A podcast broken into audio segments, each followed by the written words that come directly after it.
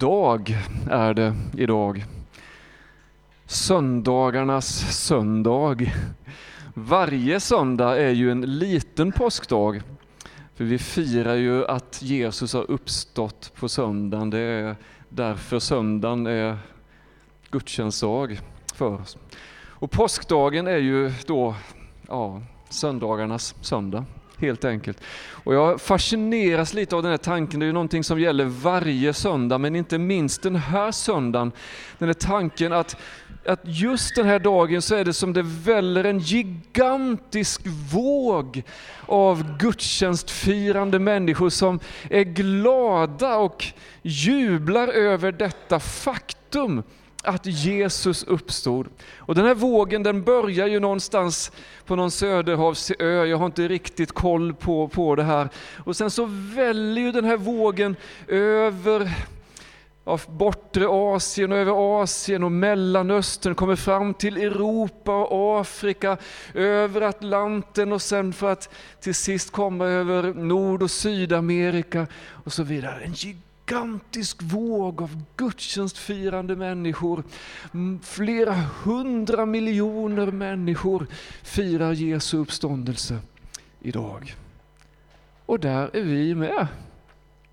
Vi är inte så många som vi brukar vara här idag därför att påsken är ju en helg då många åker iväg och så vidare.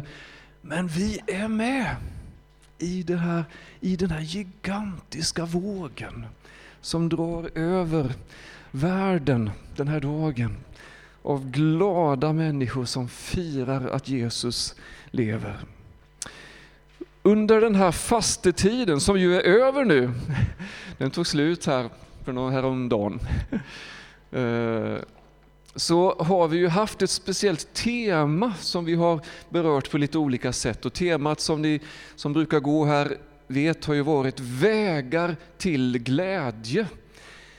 Eh, och vi har bland annat utgått från en bok av Richard Foster som just har det här, det här temat.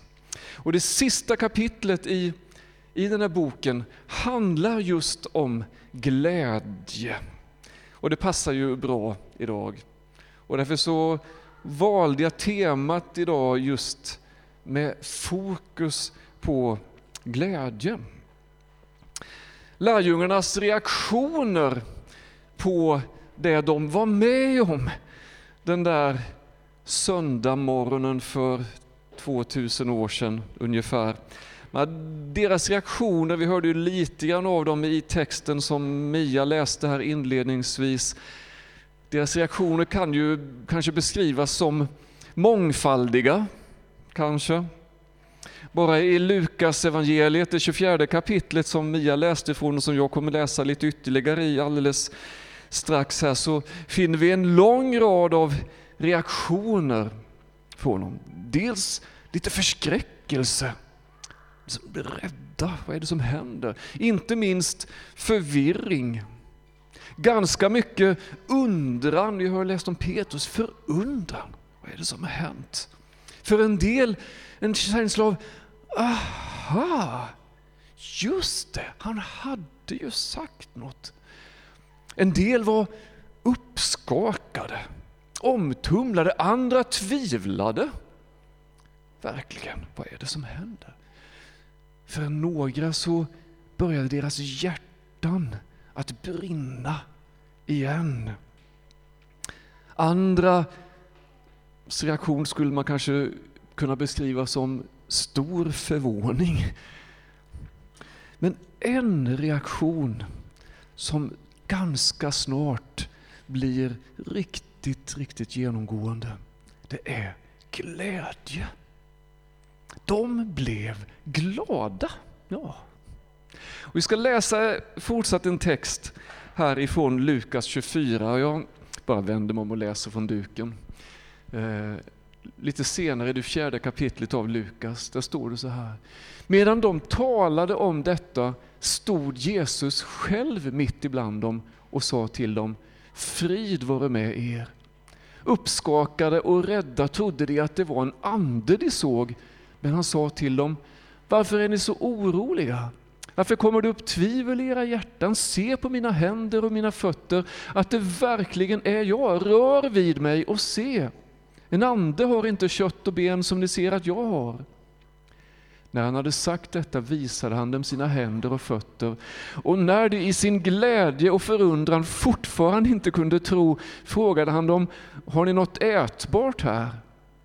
Då räckte de honom en bit stekt fisk, och han tog den och åt inför deras ögon. Ja, ja, deras spontana reaktion på något sätt när Jesus plötsligt står där mitt ibland dem är ju ungefär liksom, han går igen! Ett spöke. Jag trodde det var en ande de, de såg. Men Jesus svar är ju så fantastiskt på något sätt. Ser ni inte att det är jag? Se på mina händer, spikhål, det är på riktigt. Rör vid mig, känn på mig. En ande har inte kött och ben som ni ser att jag har. Det här är på riktigt hörni. Och så bara att, liksom för att verkligen visa att, att han inte är någon ande, liksom, så tar han en bit fisk som fanns där och äter. Ah. Andra brukar inte äta. Och det här Ja, men det är en fascinerande text. Han har uppstått på riktigt. På riktigt. Och bara lite kort om det. Det här med uppståndelsen. I den kristna tron är uppståndelsen fullständigt avgörande. Så viktig att Jesus liksom inte bara gick igen lite grann typ. Det är om, omkring, det är omkring hans uppståndelse som hela den kristna tron, det kristna hoppet, det är omkring detta som det kretsar. Döden är besegrad. Mörkret täckte allt ljus som vi sjöng i en sång här innan. Men ljuset bryter fram. Döden är besegrad. Jesus bryter igenom dödens ogenomträngliga mur. I samband med dopundervisningen, när vi har dopkurser och så här, så brukar vi, bland annat när vi talar om dopets innebörd, vad det är att vara kristen, säga att, att det är att ha döden bakom sig. Det är att ha döden bakom sig att vara en kristen. För Jesus besegrade döden. Döden har inte sista ordet. Och om vårt hopp om att uppstå igen, precis som Jesus uppstod, om det är det som är vårt hopp, så finns ju också hopp för hela skapelsen. För hela Guds värld. Och det här talar ju Paulus om i Romarbrevet 8. I Uppenbarelseboken 1, när Jesus uppenbarar sig för Johannes, så beskriver han sig som den förstfödde från de döda. Alltså med andra ord, det kommer fler som kommer att uppstå som han. Det är det vi kallar för Guds rike, den nya världen. Att vi får följa honom också genom dödsrikets portar. Jesu uppståndelse uppståndelsen överhuvudtaget, vår uppståndelse, förutsätter ju naturligtvis en återuppstånden värld, en förnyad värld, en skapelse som når sitt mål. Det Jesus gjorde, som ju är så oerhört, är att han satte tillbaks hela skapelsen på spåret igen. Och det är däråt vi är på väg och allting är klart mot skapelsens och vår blomning. Men vi återvänder till den här texten lite grann igen här. Lärjungarnas reaktion. Ja, vi sa att, att det var många olika reaktioner. Men på något sätt när de i sin glädje och förundrad fortfarande inte kunde tro, men där är det ju verkligen som att det här tvivlet som, som liksom fanns hos dem, det, det håller liksom verkligen på att fejda bort. Liksom. När de i sin glädje och förundran, för nu ser de ju liksom att, att det är ju verkligen han som är där. Och just det där, det blir ju ett slags kännetecken på de första kristna. Ja, förhoppningsvis på kristna i alla tider, för jag tror det är så det ska vara. Glädjen. Det står lite senare i det 24 kapitlet här, när efter att ha berättats om att Jesus lämnar dem i sin synliga gestalt så, så står det att, att de vänder tillbaks, vers 52, de tillbad honom och vände tillbaka till Jerusalem i stor glädje, står det. Och det är egentligen konstigt att de är så glada efter att Jesus på något sätt har lämnat honom, att de ser honom inte längre. Men de är så glada därför att de har förstått någonting. Och det är ju att den här Jesus som uppstått igen, som lever, är fortfarande närvarande hos dem. Han har inte lämnat dem alls egentligen. Därför att himlen, den, himlen är så nära jorden, det är en tunn hinna. Han är inte långt borta. Alls. De visste det. Och därför så fanns den där glädjen där.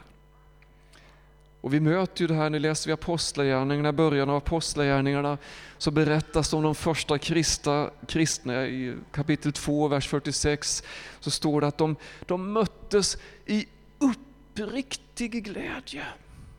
Ja, men det, var, det var en genuin, äkta glädje. De var glada. Och här på något sätt så finns ju glädjens grund och glädjens orsak i den Jesus, det han gjorde. Och detta att han lever fortfarande. Det är ju för övrigt mycket i det vi ibland kallar den här stora berättelsen, alltså Bibelns berättelse som berättar om hur Gud bryr sig om den här skapelsen och skapar en väg till räddning för hela skapelsen. Den stora berättelsen, det är mycket i den som handlar om glädje. När Jesus föds i Lukas evangeliet 2, ni vet den här texten som vi brukar läsa en annan stor högtid, när det är jul så står det om, om de här änglarna som berättar om den här nyheten för herdarna ute på ängen. Att det här handlar om en stor glädje. En glädje för hela folket. Det är mycket i den här berättelsen som handlar om glädje. Precis innan Jesus ska, ska dö och gå igenom hela den här som vi kallar för påskens händelse med hans död och uppståndelse, så säger han så här i Johannes 15 och 11. Och han har ju ett slags tal till lärjungarna där som är viktigt på något sätt. Saker han vill säga till dem. Och en sak som han säger till dem är det här, att detta har jag sagt er för att min glädje ska vara i er och er glädje blir fullkomlig. Det är så mycket som handlar om glädjen. Och det handlar ju egentligen inte bara då om påskdagen, utan det handlar också om söndagarna. Nej, inte bara söndagar. Det handlar ju om hela, hela året naturligtvis, alla dagar i veckan. Det handlar om hela livet ju. Hur men hur kan den här glädjen då som vi läser om och som på något sätt ändå ska vara ett slags kännetecken på att följa Jesus. Hur, hur kan det bli en, en slags livsstil snarare än en tillfällig känsla, någonting som genomsyrar och, och bär min, min vardag. Richard Foster som jag har skrivit den här boken som vi har använt oss av en del, han konstaterar på sitt mjuka men ibland också något krassa sätt att glädjens hemlighet är lydnad. Mm, och lydnad är ju lite sådär halvkul ord på något sätt. Så, men han, han uttrycker det så. Att glädjens hemlighet är, är lydnad. Han placerar det här kapitlet sist i sin bok med motiveringen att glädjen ju kommer som ett resultat av att det kristna livet fungerar. Att man lever ut det kristna livet. Och allt det han har talat om tidigare i boken, och där vi har lyft fram vissa delar av det, det som handlat om att läsa Bibeln, leva sig in i Bibeln, meditera över den, fastan i dess olika aspekter, det här med enkelheten, det här med vikten av bekännelse, bikten talade vi om. Vi har talat om den andliga vägledningen, vi har talat om tillbedjan, ja, många olika saker som hör till vandringen med Jesus. Och när alltihop det där får finnas med så säger Richard Foster att det är där grunden för den här glädjen skapas. Jag vill bara säga att det kanske ändå är viktigt att inte liksom ta den här tanken baklänges helt och hållet. Alltså typ, om jag inte alltid känner glädje, då fungerar inte mitt kristna liv.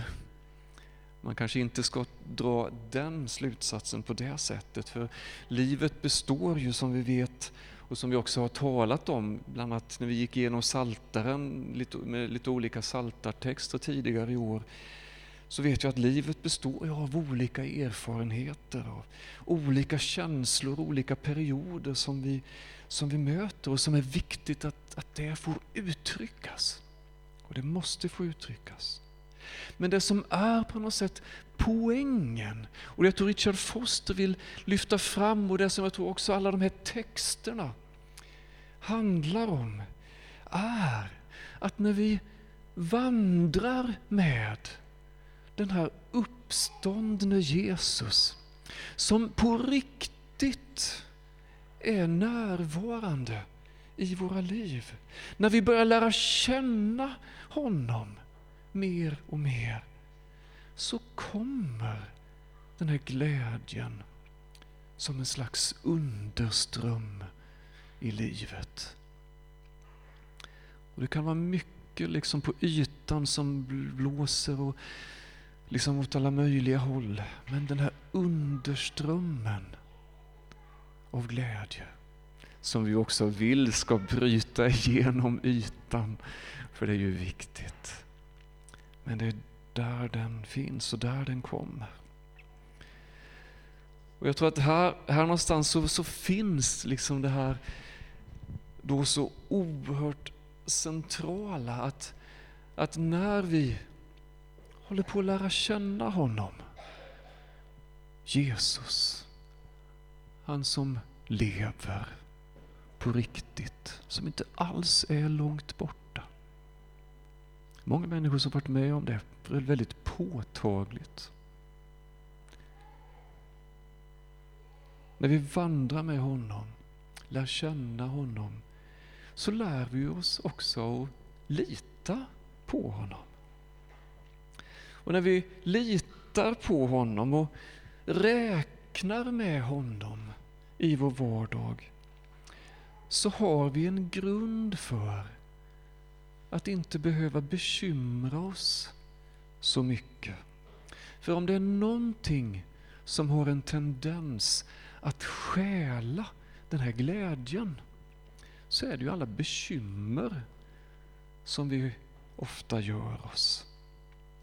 Och jag vet ju att jag sitter på skolbänken i, i det här. Det är inte så enkelt alltid att säga att ah, jag bekymrar mig inte för någonting, jag litar på Gud. Nej, så enkelt är det ju inte. Här finns vi alla i en process, i en resa av att lära oss att vandra med honom, att lära känna honom, att få den här tryggheten planterad i, i oss.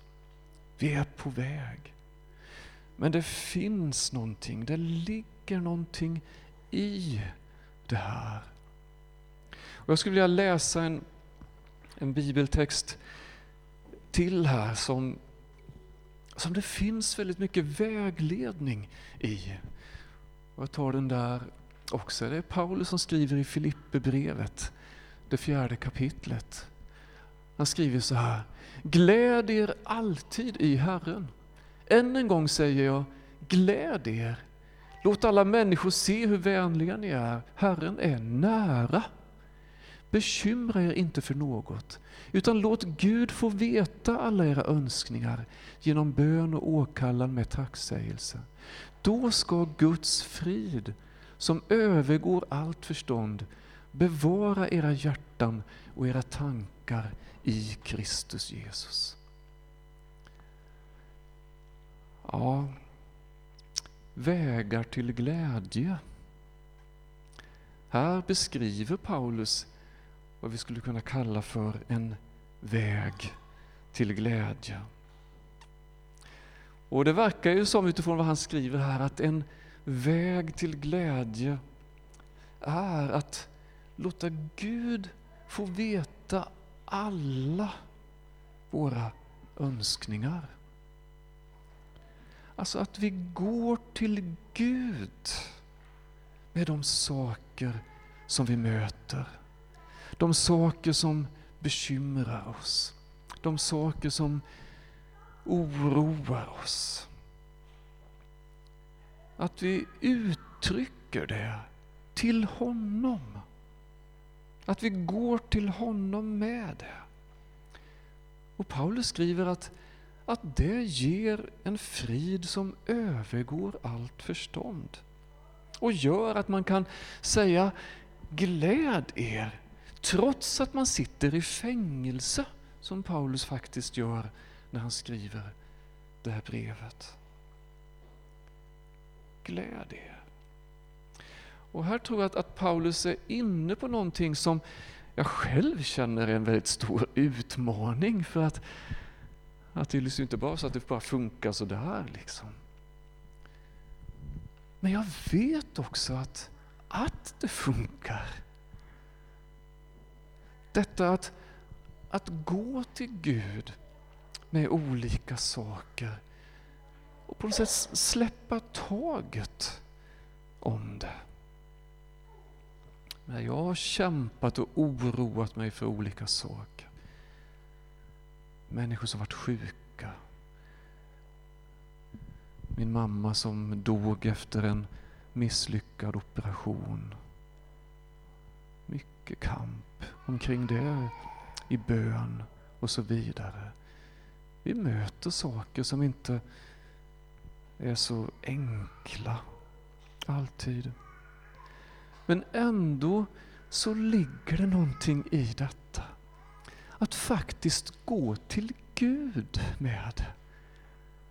Och jag märker ju att det hjälper. Att få gå till honom och på något sätt släppa taget om saker och ting. På något sätt lägga det i hans hand helt enkelt. Och det här är någonting som jag vill praktisera mer och mer. För man behöver ju Guds frid som ger skydd åt, hjärtats, åt hjärtat och åt våra tankar. Och på något sätt så verkar det som att de första kristna, de som hade mött Jesus där, de som visste att det här är på riktigt, de som hade fyllts av den här glädjen och bar den vidare, trots att de inte såg Jesus på det sätt som de hade gjort innan, så fanns det här någonting som verkligen bar dem. För de kunde, och de gjorde det, gå till honom med det. Och här i det vi firar idag, att Jesus lever, det är på något sätt det yttersta skälet till glädjen. Att han lever på riktigt och att han idag som då bjuder oss, dig och mig att följa honom. Att följa honom.